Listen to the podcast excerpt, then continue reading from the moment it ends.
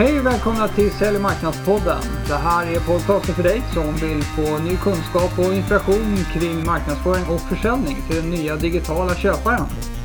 Vi har en ny inspelningsplats idag. Det är i köket på kontoret, eller hur? Tjena Lasse! Ja, tjena Anders. Ja, precis. Det är intressant. Trevligt! Kökspodd. Exakt, podden vid köksbordet. Ja, det blir bra. Vi hoppas att, eh, att våra lyssnare gillar det. Precis. Ja, ännu en podd och ännu ett mycket intressant ämne. Eh, content marketing, möjligheterna och utmaningarna. Vi kommer ju, kan vi avslöja, komma in lite grann på eh, även säljarnas utmaningar och eh, möjligheter här i framtiden. Men jag tänkte börja med, vi kan ju köra lite, vi har varit på en field trip här. Lasse, du har varit ute och rest. Berätta om det. Jajamän. Eh, det är intressant faktiskt. Första gången på ett och ett halvt år som jag har gjort någon längre tjänsteresa. Vi har fokuserat så mycket kring Stockholm här till att börja med Anders. Men eh, jag har faktiskt varit i Göteborg Ja. och eh, träffat eh, the Godfather of Content Marketing.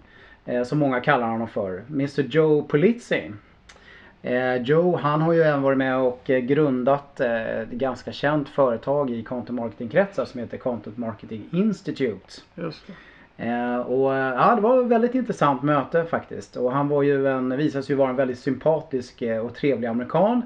Eh, som var väldigt duktig på att lyssna faktiskt på amerikan. Bra, var, vart du starstruck? Ja, lite, lite faktiskt. Jag måste säga att, ja, härlig Joe. Ja. En härlig kille. Det var jättetrevligt var det. Ja, ja, synd att jag inte kunde vara med men jag har hört. Det var, det verkar vara ett bra möte. Ja. Ja, kul då. Vad heter det?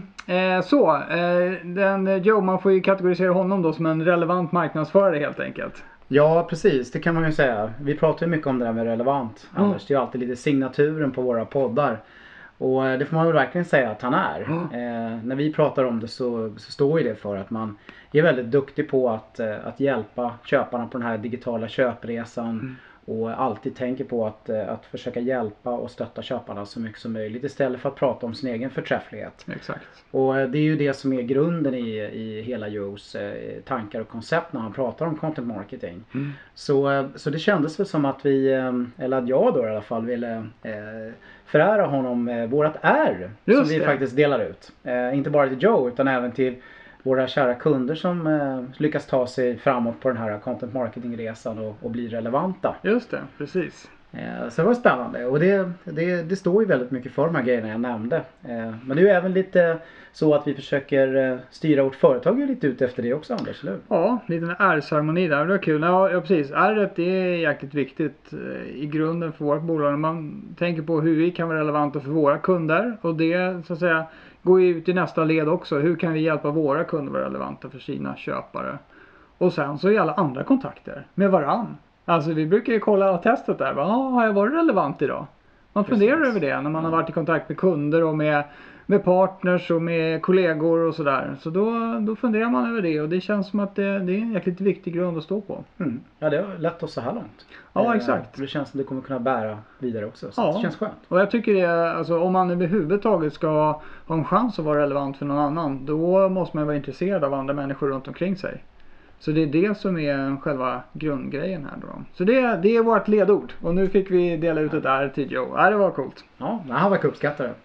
Bra. Eh, så då träffade du Joe Polizzi i Göteborg och eh, ni snackade content marketing, eller vad pratade ni om?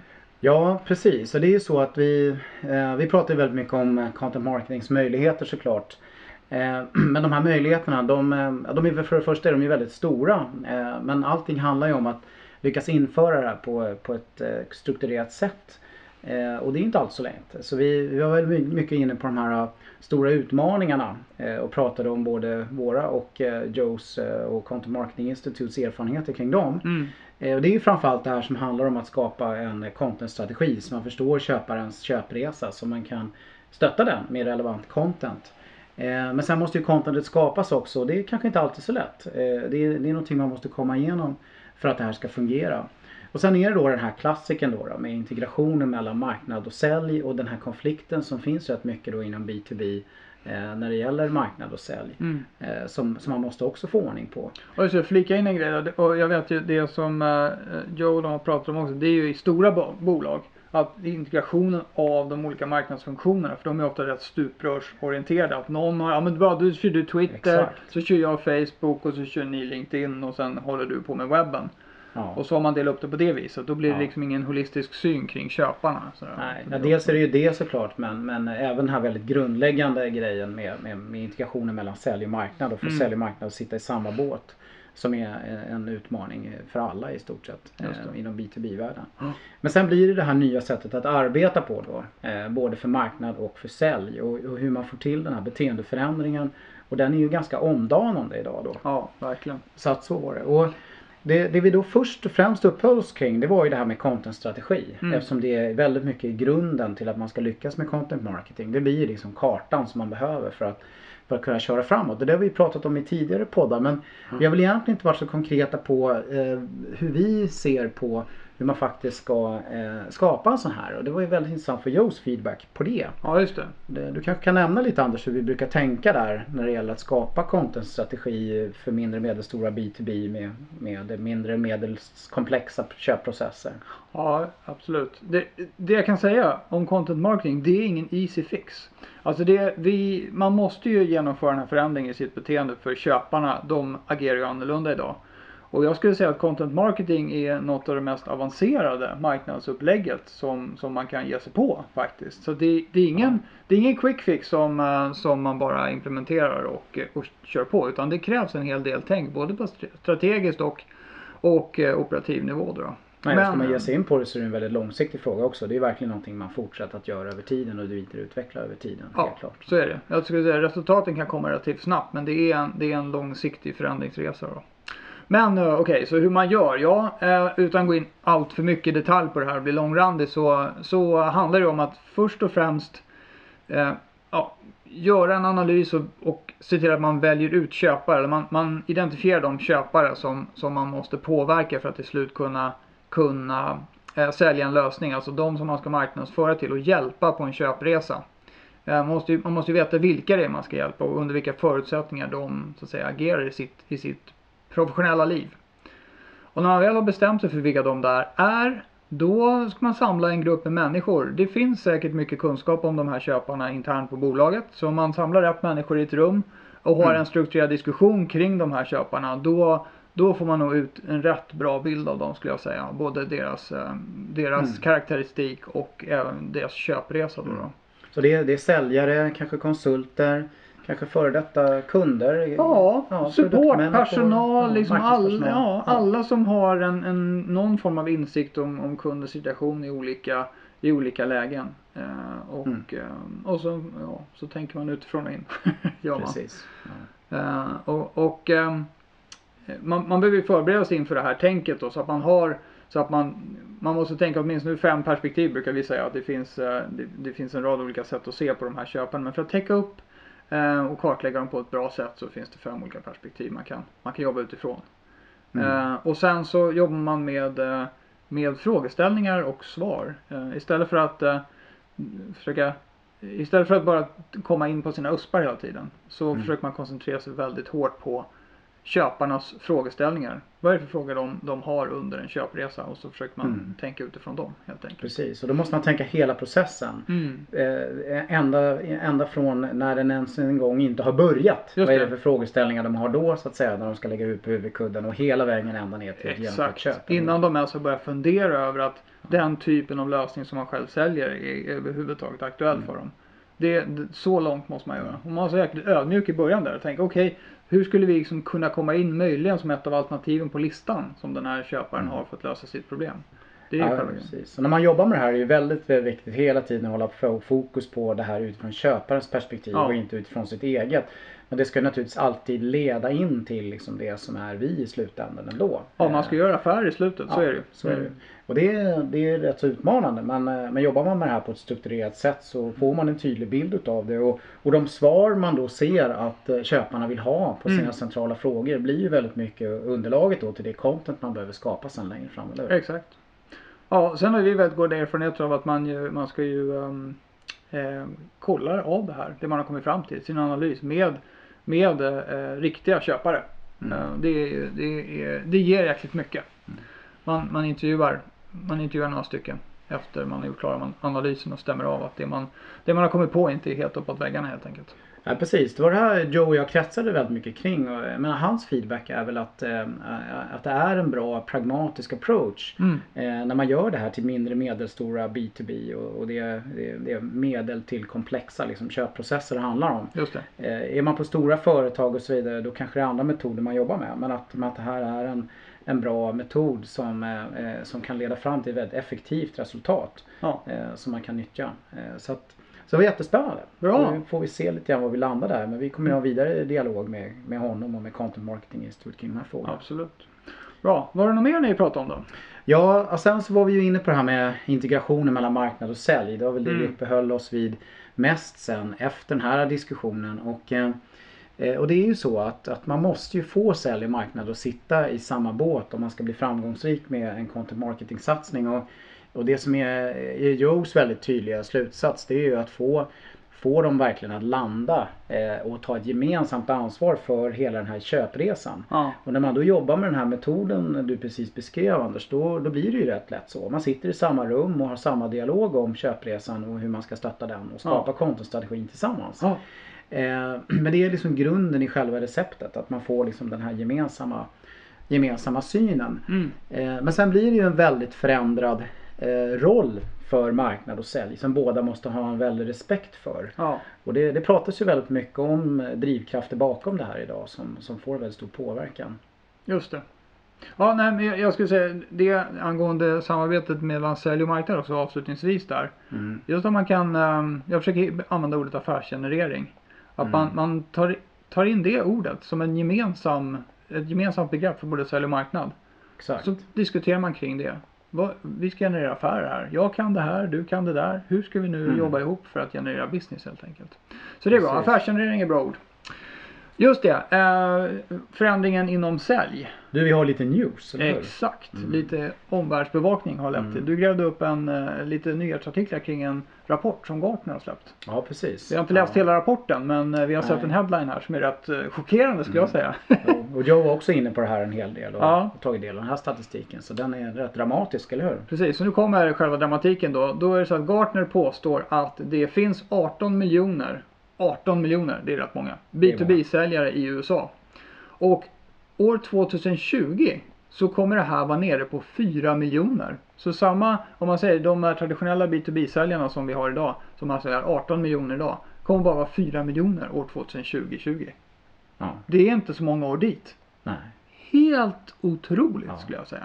Ja, det är helt makalöst. Jag, jag ska säga så här att, att de här fyra miljonerna då, det, det, det är ju sådana då som fortsätter att jobba på kanske ett liknande vis eh, idag då. Och Ja. vad gör då alla de andra kan man undra. Vad gör, vad gör mer än en och en halv gång Sveriges befolkning i form av säljare? Ja. Man kan se det i många sådana här säljportföljer som hänger och Precis. dinglar på en krok i hallen. Ja. Nej, men det var det här vi kretsar kring i Göteborg mycket och det, det är väl så att, ehm, eh, att, att för att det här ska kunna hända Ja. så måste det hända väldigt mycket med hur hela den här eh, leads management processen drivs och hur man stött, lyckas med att stötta de här eh, digitala köparna Ja. på sin köpresa helt enkelt. Ja. Alltså hur man lyckas med implementationen av content marketing. Mm. Och det, det är de här utmaningarna vi har pratat om som måste på plats. Ja. Och det är content-strategier, det är content, det är nya webbar, det är mm, avancerade verktyg och, och det, det är allt möjligt som måste på plats. Och Mm. väl tajt integrerat med CRM och allt sånt. Va? Ja. Så att det är verkligen ingen, ingen lätt grej. Och sen blir det då så liksom att, att konsekvensen blir att marknaden måste göra en väldig massa andra saker Ja. eh, än vad de gör idag. Mm. Eh, för att ta hand om stora delar av processen som kanske då sälj idag gör. Just. Eh, de här eh, 14 miljonerna eller vad det blir. Va? Mm.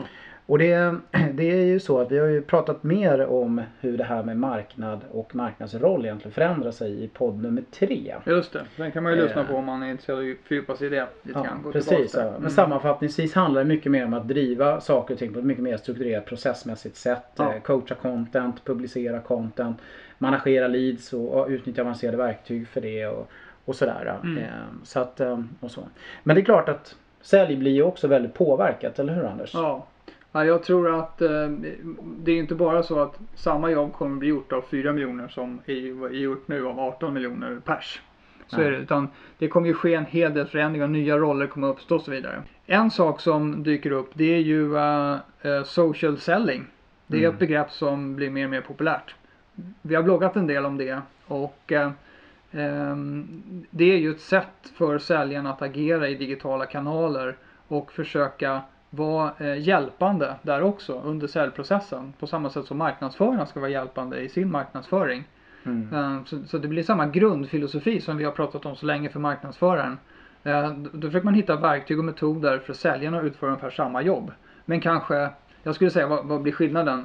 Naturligtvis så blir skillnaden att marknad, marknad håller på, det är en volymgrej på marknad. De gör ju det Mm. mot väldigt många.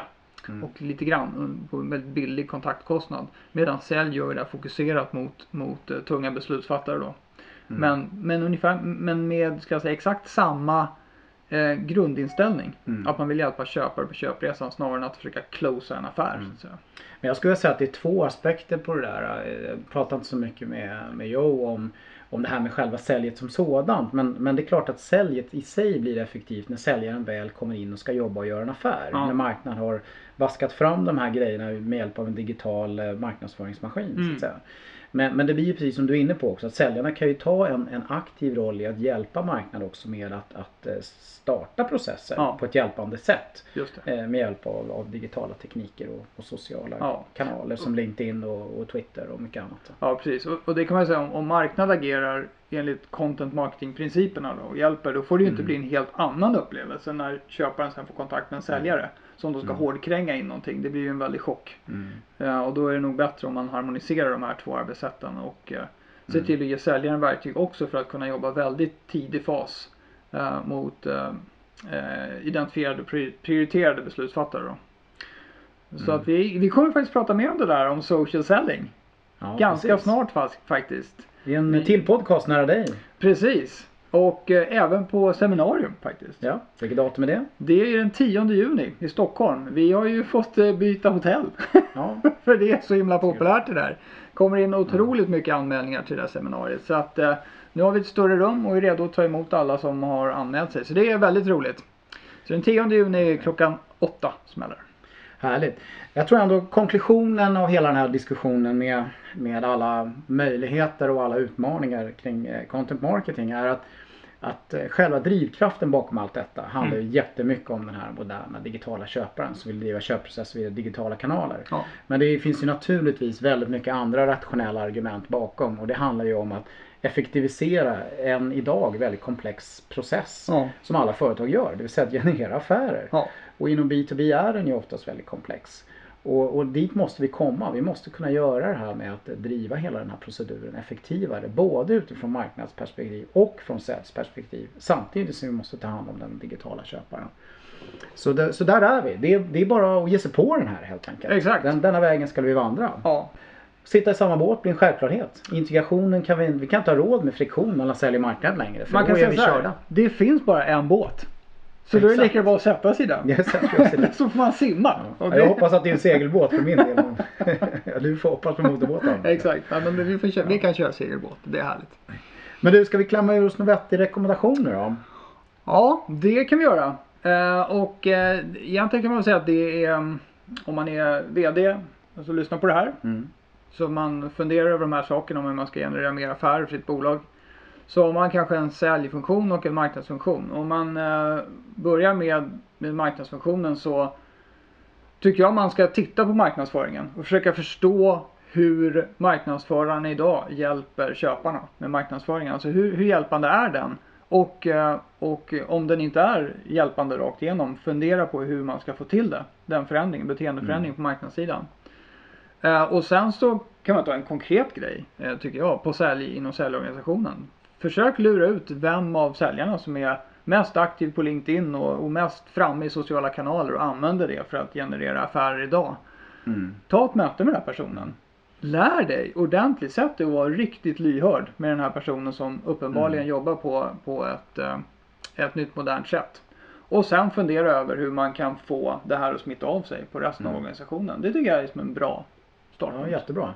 Jag tror att man ska, ett tillägg till det bara, man ska ha Ja. respekt för att det kommer krävas en, en eh, kompetensförändring Mm. på marknadssidan. Man måste lära sig nya saker. Mm. En kompetensinvestering. Och det är samma sak på sälj med. Man måste sätta sig i skolbänken och lära sig de här verktygen och teknikerna och metoderna. Eh, samtidigt som det är en beteendeförändring. Det är både kunskap och beteendeförändring och det måste man ha respekt för. Ja. Men tar man tag i det och börjar då finns det goda förutsättningar att lyckas. Exakt. Härligt! Du, eh, ska vi checka ur köket? Eller Ja. vad ska vi göra? Vi får eh, tacka för oss eh, för idag från köket på Ja. kontoret. Ja, bra. Ha det bra, hej! Du har lyssnat till avsnitt 8 av Sälj och marknadspodden. Eh, Som vanligt finns det alltid mer information om det vi pratat om på vår webbsajt www.businessreflex.se Som du vet finns nu podden på iTunes. Du får gärna gå dit och ge oss en rating. Det vore jättekul. Om många gillar den här så syns den bättre och fler kan lyssna på den och kanske få någon hjälp och tips om hur de ska öka tillväxten på sina bolag. Och du, var relevant!